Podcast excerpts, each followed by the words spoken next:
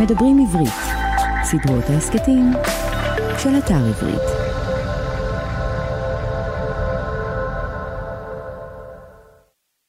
שלום, אתם מאזינים לסדרת ההסכתים כותבים עברית של אתר עברית. סדרה זו היא חלק ממדברים עברית, ערוץ ההסכתים של האתר.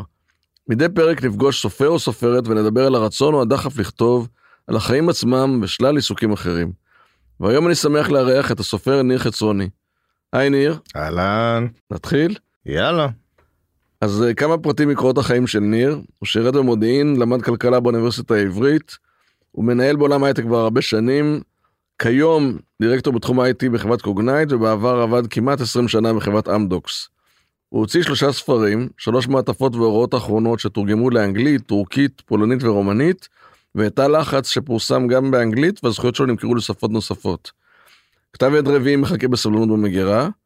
הזכויות של ספריו נמכרו לקולנוע ולטלוויזיה, ונחזיק אצבעות שאת הספר הרביעי כבר תכתוב מה, החמישי סליחה, תכתוב מהקריבים. Uh, אתה מוכן לשתף אותנו בכמה אנקדוטות ניר מקורות החיים שלא מופיעות בקורות החיים הרשמיים? Uh, כן, אז קודם כל uh, נשוי לאתי ואבא של uh, נועם ויובל. נועם uh, אחרי צבא, יובל לפני צבא, uh, במסלולים הרגילים.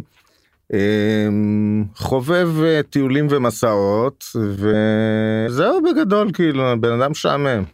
טיולים ומסעות uh, בארץ או בחוץ לארץ?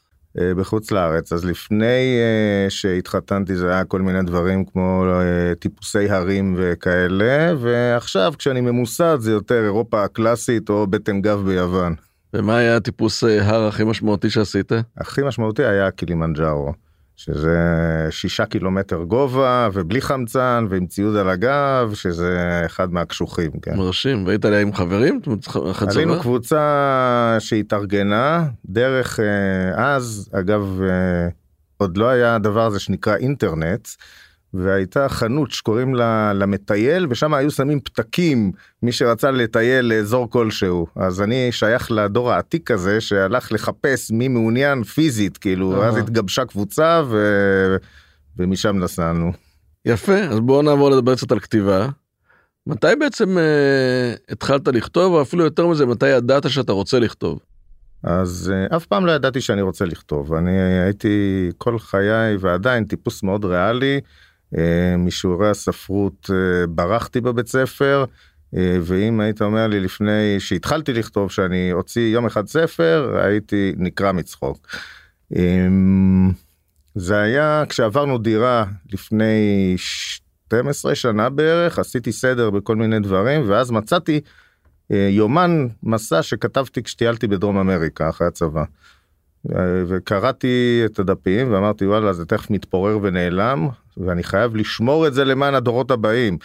אז אה, התחלתי להקליד את הדבר הזה על Word והתחלתי לשנות ניסוחים ולעשות editing וגיליתי שאני מאוד נהנה מה process הזה ואז היומן עבר לו אה, לקובץ Word.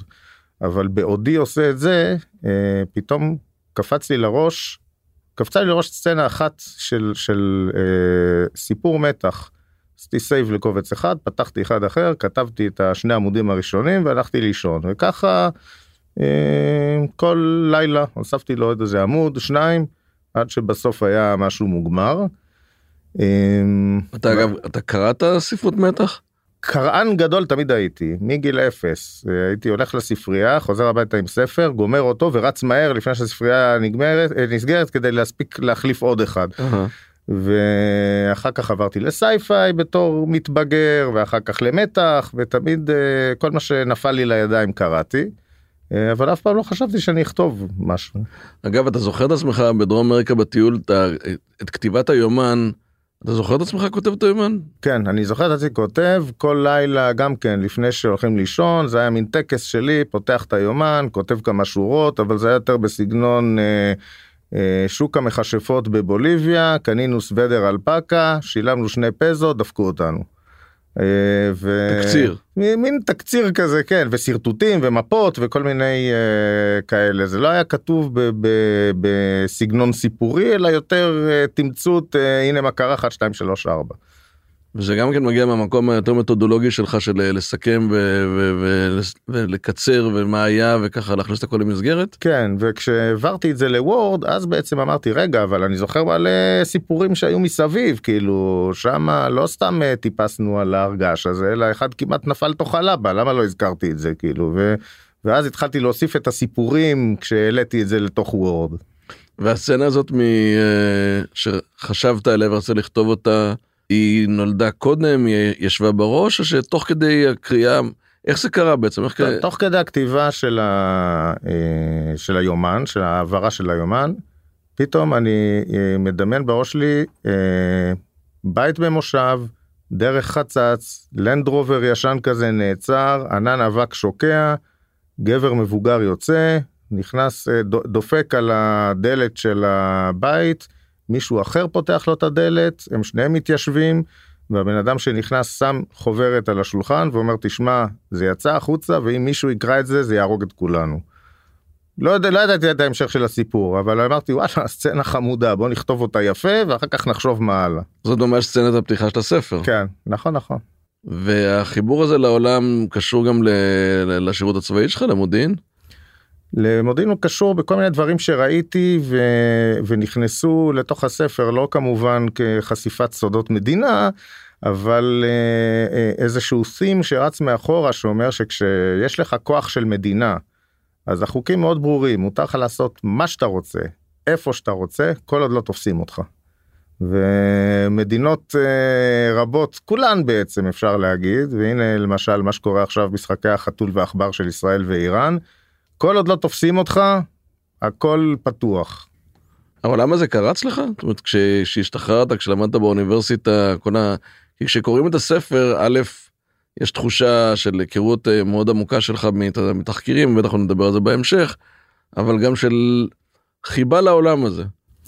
אה, כן, כי הטכנולוגיה בעולם הזה היא, היא מטורפת, ואנשים מוכשרים כמו שדים.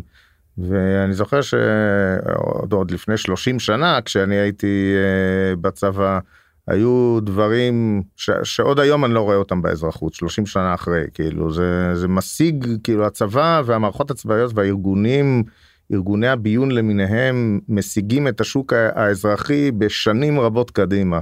וזה מרתק לראות את הטכנולוגיה ואני פריק של טכנולוגיה זה נחמד לי. הבנתי וכשהתחלת לכתוב בעצם סיגלת לעצמך איזה שהם הרגלי כתיבה שהשתנו שנשארו אותו דבר עד היום. אז אני האיש ההרגלים הכי גרוע שיש. בהתחלה אמרתי אני אני אכתוב את הספר הזה ברצינות ו... ואני אקדיש לזה זמן כל פעם אבל ילדים ועבודה ובלאגנים וכולי אז גיליתי ש... שזה לא עובד לי. אז הייתי מדי פעם מצליח לכתוב איזה חצי עמוד פה ושם בימים שהייתי חוזר אה, לא לא מחוק ומת מעבודה אבל אז גיליתי שבעצם כל הטיסות זה הדבר המופלא כאילו אני יושב 10 שעות במטוס אין לי קונקשן לעולם החיצון ואני יכול לשבת ולתת ספרינט קדימה אז uh, הייתי אומר נגיד uh, מהספר הראשון 80% ממנו נכתבו בתוך מטוסים ולכן אני מגדיר אותו כספר טיסה מבחינתי. אז אם נדבר על הספר הראשון, אה, שלוש מעטפות, אתה אומר שהסצנה הראשונה ישבה לך בראש, ואז כשהתחלת לכתוב, בעצם זה הלך ונולד אותו אה, סוכן עלום שרק מופיע במספר, כי גם הסצנה שאתה מדבר עליה, היא לא מזכירה עדיין את אותו סוכן, זאת אומרת, היא עדיין mm-hmm. לא, היא רק איזושהי סצנה שהיא מספרת איזושהי תחילה של משהו אבל לך כבר היה בראש את הסוכן הזה או שעוד לא ידעת שצריך לכתוב עליו? זה באיזשהו שלב אחרי הסצנה הזאת אה, אמרתי אוקיי אבל על מה הם ידברו מה יכול להיות כל כך נורא ש... שיגרום להם לשבת שם ו... ולחשוב מה עושים עכשיו. ואז אמרתי אוקיי what if מה מה אם אה, לארגון מסוים שדרך אגב גם לא אה, השם היחידי שלו זה הארגון כן בספר הוא, הוא נקרא כהארגון וזהו. מה יקרה אם הם יגייסו מישהו לשורותיו אחד שעשה צבא וכולי וכולי רק שהוא מצליח לעבוד על כולם הבן אדם קוקו לגמרי. אה, אבל מציג אה, כמו כל פסיכופת טוב מציג אה, הרשת חיצונית לגמרי שפויה. והוא מצליח להיכנס לתוך השורות של הארגון הזה ו... הוא מקבל משימות מהרגע שהוא מקבל אותם הוא אמור uh, להתנתק ו- ולרוץ ולבצע הבעיה היא שהוא מבצע אותם בדרכים כאלה שהקולטרל דמג' שהוא עושה הוא בלתי נתפס והם מבינים שהם יצרו מפלצת ומנסים לעצור אותו. כן זה, קראתי את הספר והבנתי אפרופו מה שקראת לזה הארגון שלא בכוונה אני חושב אפילו היה לא ניסית לשייך את זה לאיזשהו משהו מסוים לא ניסית להיצמד לאיזשהו ארגון שמכירים את השם שלו או למשהו כזה אלא יותר. בנית איזשהו משהו שהוא מעולם המודיעין מבלי לנסות להיצמד למשהו מסוים שאפילו זה היה נראה לי טיפה חלק מהסיפור בקטע הזה. כן נכון ו... וזה נחמד גם לשמוע אה, מה שאומרים קוראים ברחבי העולם שהם בכלל לא מייחסים את זה למוסד נגיד כן אומרים כן גם אצלנו במדינה אנחנו בטוחים שככה וככה קורה. ו... אה, וגם מארצות הברית קיבלתי תגובות כאלה וגם מפולין וגם מטורקיה וזה מעניין לראות איך כל אחד מסתכל על הדבר הזה אבל מפנה את העיניים פנימה כלפי המדינה שלו. באמת אם נקפוץ שנייה לתגובות קוראים כי דיברת על זה ואתה באמת הספר תורגם להרבה שפות ואתה מקבל בגלל שספרות מתח וכזאת אז אני מניח שיש איזשהו קהל קוראים יותר אה, מחויב שיותר מגיב גם נכון? כן כן זה. מעניין לראות את התגובה בארץ כמעט אין תגובה אני לא יודע אולי זה קצת אה, קשור למצבו אה, הגמומי של שוק הספרים בישראל אבל אה, אני אולי גם ז'אנר המתח לא כזה חזק אה, בארץ.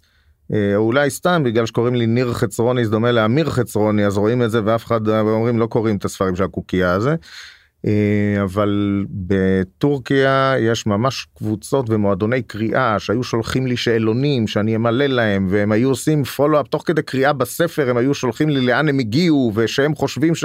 שככה וככה הולך לקרות ו... ולמה כתבתי בצורה כזאת או בצורה אחרת ואנשים מצטלמים עם הספר מכל הכיוונים ושולחים. זה מאוד אה, נחמד להיות בקשר עם הקוראים שזה משהו שהיום אפשר לעשות ש... פעם סופר היה כותב ספר שולח אותו לדרכו ובמקרה הטוב מקבל מכתבים בדואר אבל עכשיו ממש התקשורת היא דו כיוונית. מדהים. וזה לשני הצדדים כן מישהו יכול לכתוב לי לא סבלתי את הספר שלך תודה שלקחת את הזמן אה, לחשוב עליי. ואתה ועוד דבר זה שהקהל קורא למשל הקהל טורקי אין פה עניינים של פוליטיקה נכון זאת אומרת לכאורה יש איזשהו ממד נפרד וערוץ תקשורת נפרד. ו... זה אנשים לאנשים ולא מתעסקים לעובדה שהם טורקים ואתה ישראלי ודברים כאלה. נכון בכלל לא להפך כאילו הם אפילו היו שמחים להיות בקשר עם סופר ישראלי ובתקופה uh, שהספר הראשון יצא בטורקיה אז uh, מטעם העבודה הייתי נוסע לטורקיה לאיסטנבול כל שלושה חודשים. וניצלתי את זה לשבת עם המוציא לאור שלי בטורקיה כל פעם הם יושבים על קפה טורקי ומדברים קצת ספרות וזה היה מאוד נחמד כי ברגע שאנשים נגיד סביבנו היו שומעים שזאת שיחה על ספרים וסופר עוד כיסאות היו מצטרפים ואנשים היו מתיישבים וזה היה נחמד אה, אה, לנהל שיחות כאלה וגם הקהל הטורקי זאת אומרת יש הבדל מאוד גדול איך מציגים.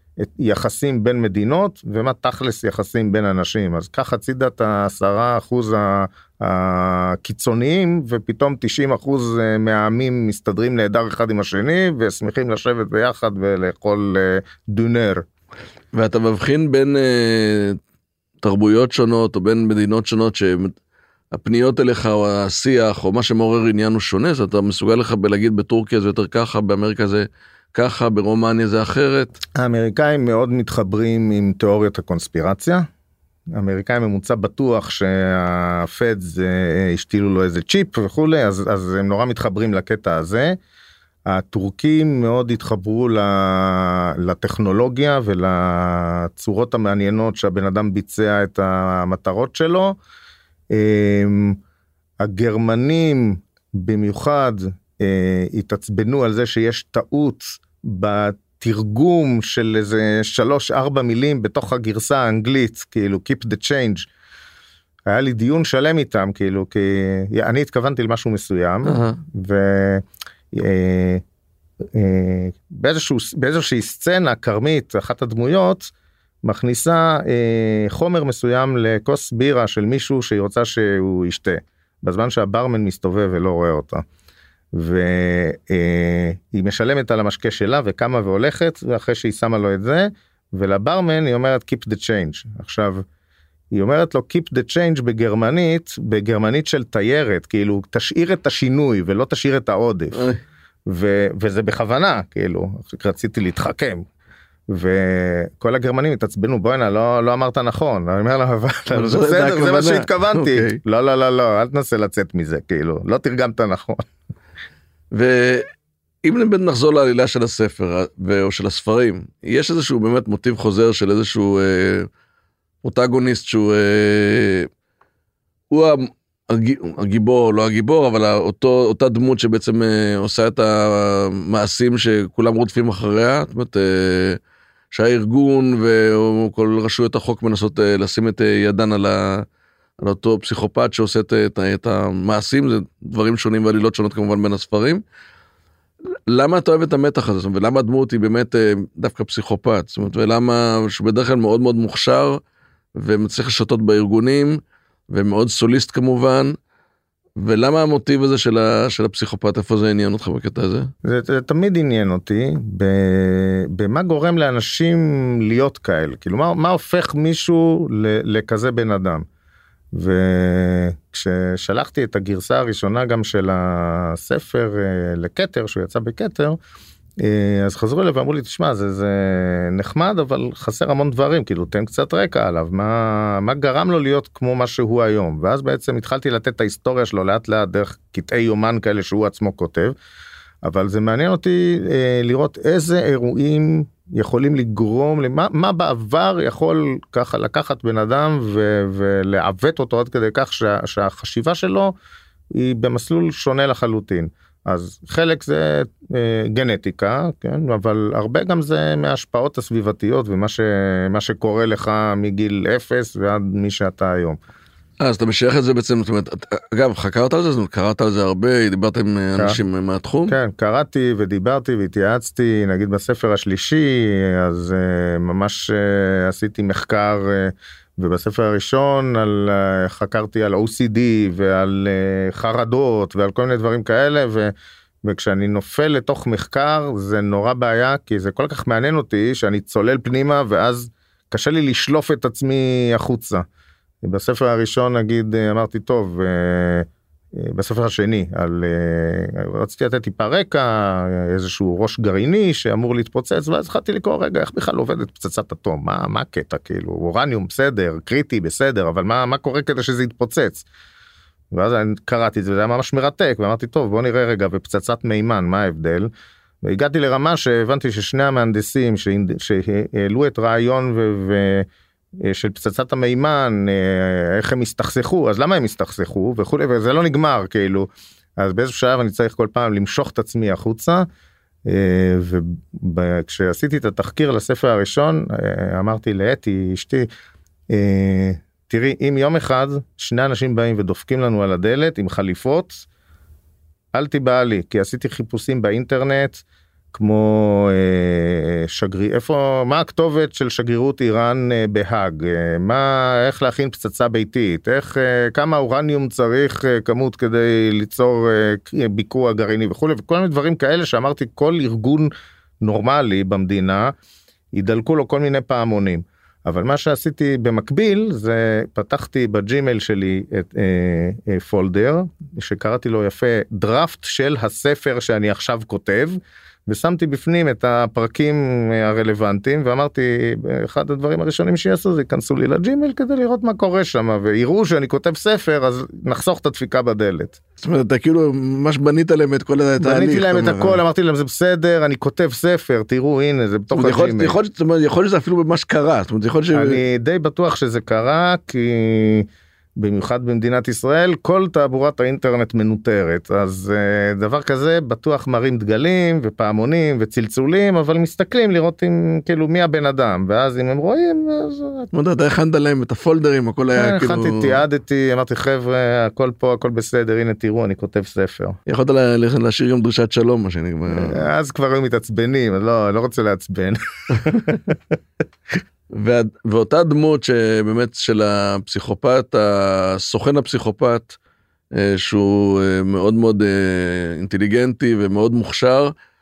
למה אגב גם שני הספרים הראשונים וגם בתא לחץ בחרת שהוא יהיה בעצם נטול שם בעצם באיזשהו מקום. אז ב...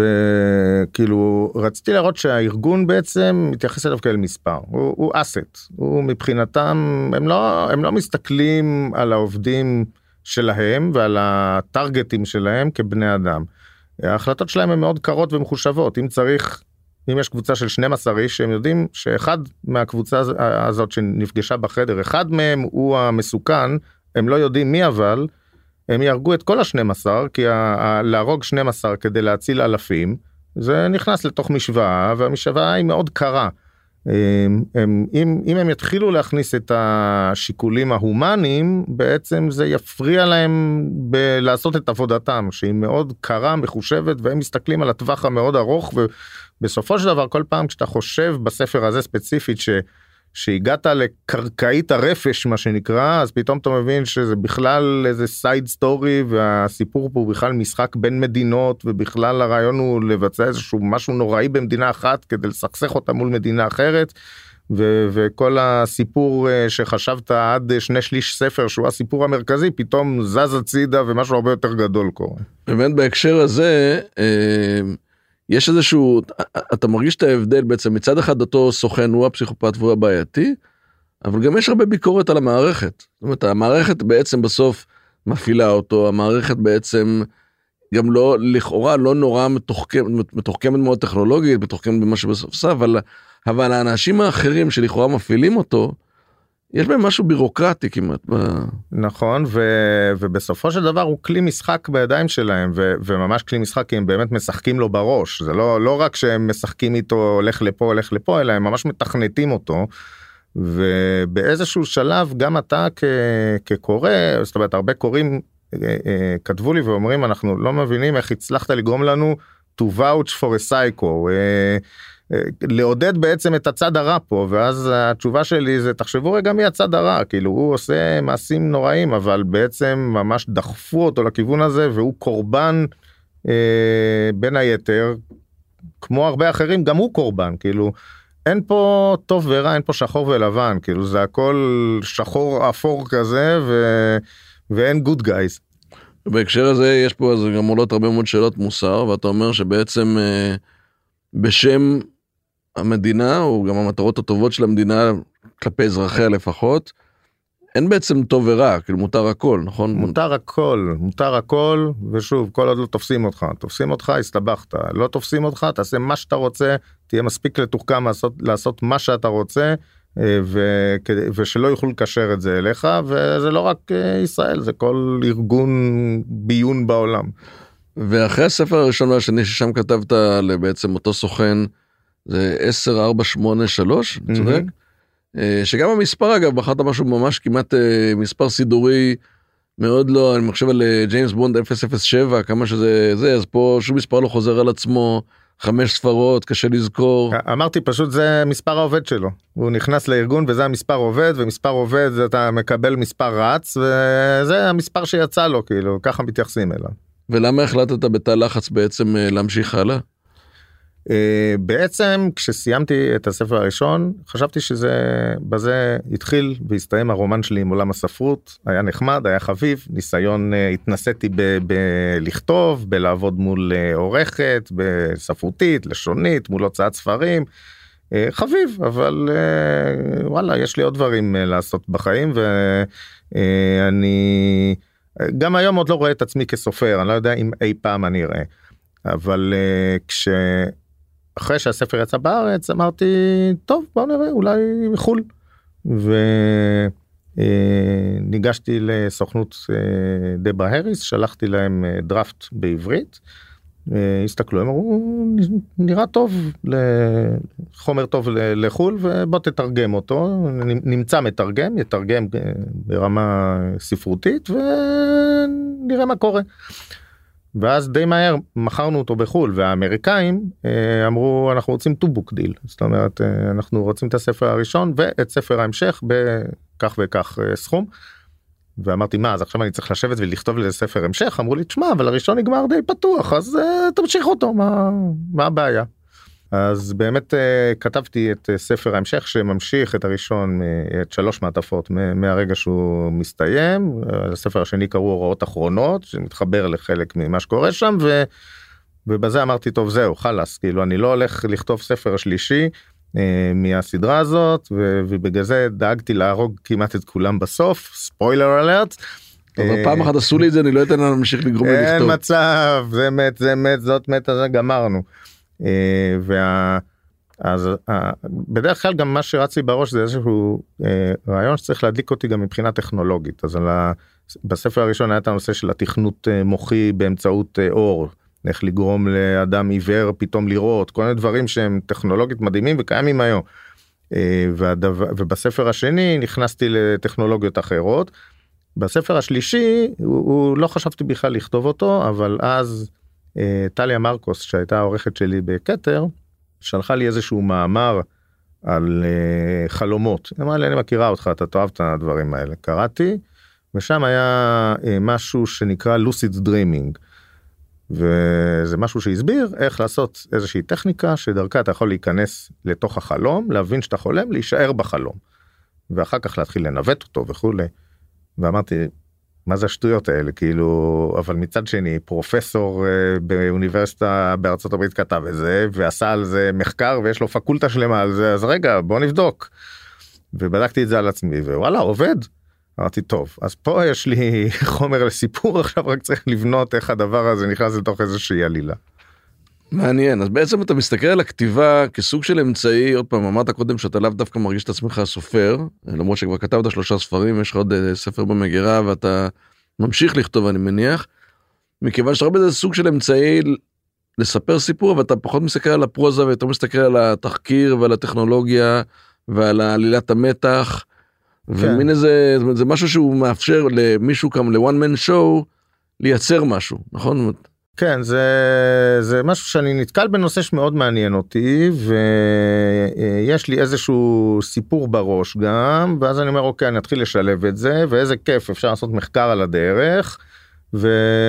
וזה מין תרפיה כזאת שלי שאני יכול אה, לשבת אה, ב- בלילה ולכתוב לי איזה עמוד וזה נורא נחמד. אז אה, זה בעצם מה, מה שמריץ את ההנאה שלי בעצם מהתהליך הזה. ואתה אתה כותב היום גם זאת אומרת יש לך ספר כרגע שאתה עובד עליו כרגע היה ספר היה את הספר הרביעי שכתבתי ושמתי במגירה כי שלחתי אותו לאיזה שתי הוצאות לא התחברו אמרתי טוב רגע גם יש לי כזה עומס בעבודה שנתיים אני עסוק בלפצל חברות לסגור סניפים לפתוח סניפים וכולי אז אה, אה, עולם הספרות אמרתי יחכה לי. אה, וכרגע אנחנו עובדים על אה, למכור אה, אופציה לקולנוע על, אה, על שלושת הספרים בעצם. קולנוע היום אומרים קולנוע אומרים אופציה לקולנוע אבל בדרך כלל זה לסדרות כבר אז כן אז אופציה לסדרה שזה מעניין הם, הם נמכרו כבר שלוש פעמים לאופציה לסדרה והאופציה לא התממשה וחזרה אליי כדי שאני אוכל למכור אותה שוב. אז אה, מצד אחד זה כיף אתה כותב פעם אחת משהו ואז מוכר אותו 100 פעם מצד שני אה, נו באסה תעשו כבר את הסדרה. אז אני מקווה שהפעם אה, זה יהיה משהו שאכן יצא לפועל ונוכל לראות אותו על המסך. ואתה אומר יש לך כתב יד רביעי ששלחת אותו להוצאות מישהו שכבר פרסם שלושה ספרים כמוך. ויש איזשהו משהו של אני אתה יודע כמעט של שוויון נפש אתה אומר אוקיי הם לא אהבו את זה אני לא ממש מוטרד מזה אני שם את זה במגירה. יגיע הרגע זאת אומרת א- איך הרי יש פה המון עבודה מושקעת. מאיפה השוויון נפש להגיד בסדר קורה. אה, כי מבחינתי זה זה לא עבודה זה זה fun כאילו בספר הרביעי חקרתי את מלחמת העולם השנייה זאת אומרת הספר הרב- הרביעי מתחיל מכף יד כרותה שמישהו מוצא בפח אשפה והיא מגיעה למז"פ והמז"פ אה, מתחילים לנסות להבין מה זה מה, מה, של מי זה איך מה מה עומד מאחורה. ו... ופה צללתי התחקיר שלי היה עולם של פורנזיקס אה, וזה עולם מטורף טכנולוגיה נהדרת והתחלתי להיכנס לזה וכל התחקירים שלי על, על אה, מז"פים ברחבי העולם ואיך הם משתמשים ואיזה טכנולוגיות ואיך נראה המז"פ בישראל ומי עובד שם ומה המבנה הארגוני שלהם ואיפה הם יושבים ואיך הם עובדים מול אה, אה, ארגונים אחרים וכולי. אתה ממש מחכה שידפקו לך בדלת, אה? כאילו אתה כאילו אומר אוקיי אם עוד לא עשו את זה נבחר נושא. אני עדיין עדיין עושה סייב לכל הספרים ל Gmail שלי של ליתר ביטחון. ומה אתה מסביר גם אגב לאתי כאילו אה, שהיא- כשהיא קוראת את הדברים שאתה כותב אותם. אז אה, עוד בהתחלה בהתחלה סיפור שאנחנו עוד אה, מכירים מזמן שהעורכת אה, שהייתה לי אה, אה, העורכת הראשית של שהייתה לי בכתר עינת ניב ואחר כך גם בסטימצקי בהוצאת תכלת של סטימצקי אמרה לאתי באיזושהי הזדמנות שנפגשנו כולנו היא אמרה לה תשמעי רק ליתר ביטחון תשני עם סכין מתחת לכרית. ונקרענו מצחוק, היא אומרת לי מאיפה אתה מביא את הדברים האלה? אמרתי לה שמעי אם אני כותב על רוצח פסיכופת זה לא אומר שאני רוצח פסיכופת, אז כן אבל אתה נכנס יפה לראש שלו אז משהו חייב להיות שם אז אה, וואלה יכול להיות אז כל עוד אני מוציא את זה על הנייר ולא בפועל אה, דיינו. ובכל זאת באמת עכשיו אשתך וה- והילדים לפעמים שואלים אותך כאילו איך אתה מגיע דווקא לעולמות האלה איך אתה אה, כן ואני אומר להם כי זה מה שמעניין אותי אני אני אוהב את האקסטרים כאילו זה גם סוג הספרים היום שאני אוהב לקרוא פעם נגיד אהבתי יותר ספרי, ספרי פנטזיה אה, אבל היום תן לי ספר מתח טוב ואני ממש איזה. סופרים אתה נהנה לקרוא היום. אז היום אה, לא יודע לנקוב במישהו ספציפי מהמם. אבל כל מה שאני רואה מתח עם אה, קצת אה, הורור נהדר כאילו מבחינתי שילוב אחלה. אתה יודע שאני חושב ש- אני חושב שזה היה אצל סטיבן קינג שקראתי פעם שהוא אמר שהסופרים של המתח זה זאת אומרת הסופרים של הפרוזה מקבלים את הפרסים ואלה של המתח מרוויחים את הכסף. אז כן את הספרים שלו אני מאוד אוהב ותמיד יש לי ליד המיטה עכשיו יש לי את העמדה שלו ליד המיטה וכל פעם אני קורא כמה עמודים אבל זה חתיכת עובי של ספר שייקח לי לדעתי שנה לי לסיים אותו. אה, אבל כן זה עוד פעם לא הייתי אומר אה, אם אני מסתכל בכלל על עולם הספרות אז כן הכל יחסי כאילו אה, היום אני חושב נגיד אם אני מסתכל מה קורה בארץ ספרות ילדים סבבה כי הורים רוצים ללמד את הילדים שלהם לקרוא. אה, ספרות אה, אירוטית דווקא הולכת אה, חזק בארץ רומן רומנטי לסוגיו וכולי. מתח אני לא יודע בארץ עם כמה כאילו כן אמ- אמ- אמרה לי מישהי בעולם הספרות שתקופת הקורונה מאוד פגעה במכירות המתח שאנשים גם ככה היו בסטרס והם חיפשו דברים יותר רגועים ודברים שיותר ככה ייתנו להם מין שקט נפשי. נכון נכון נכון נכון ו-MGM באיזשהו שלב פנו הם רצו לקנות את הזכויות אה, של הספר ה- של שני הספרים הראשון והשני שלי. אה, אבל בסופו של דבר הם לקחו את אה, לבד בתיאטרון אה, המוות. שהוא אחלה ספר שאמרתי לעצמי אם הוא זכה ולא אני וואלה אני בחברה טוב- טובה איזה איזה ספר נהדר. והתחילו לה- להתכונן להפקה אבל על מה מדבר לבד בתיאטרון המוות על מישהו שיוצר נגיף וכדי להפיץ אותו בעולם. זה ממש מדהים איך ספר כזה טוב בום נגנ... כל ההפקה נגנזת בגלל המגפה ממש לא הזמן מה שנקרא. ממש לא הזמן אז, אה.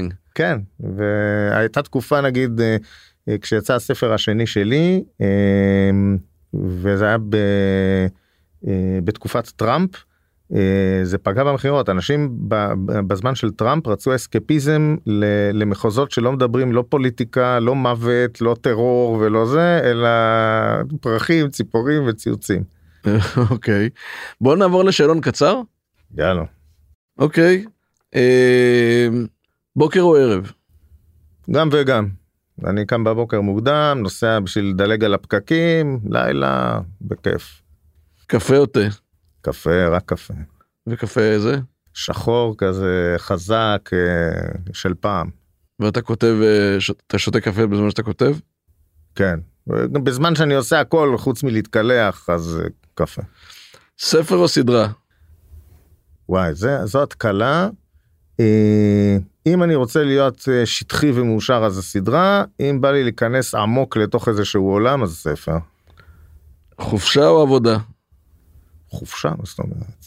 ומה החופשה מועדפת עליך דרך אגב? אה, אז אה, חופשה שמשלבת גם אה, סטלבט וגם שיטוטים.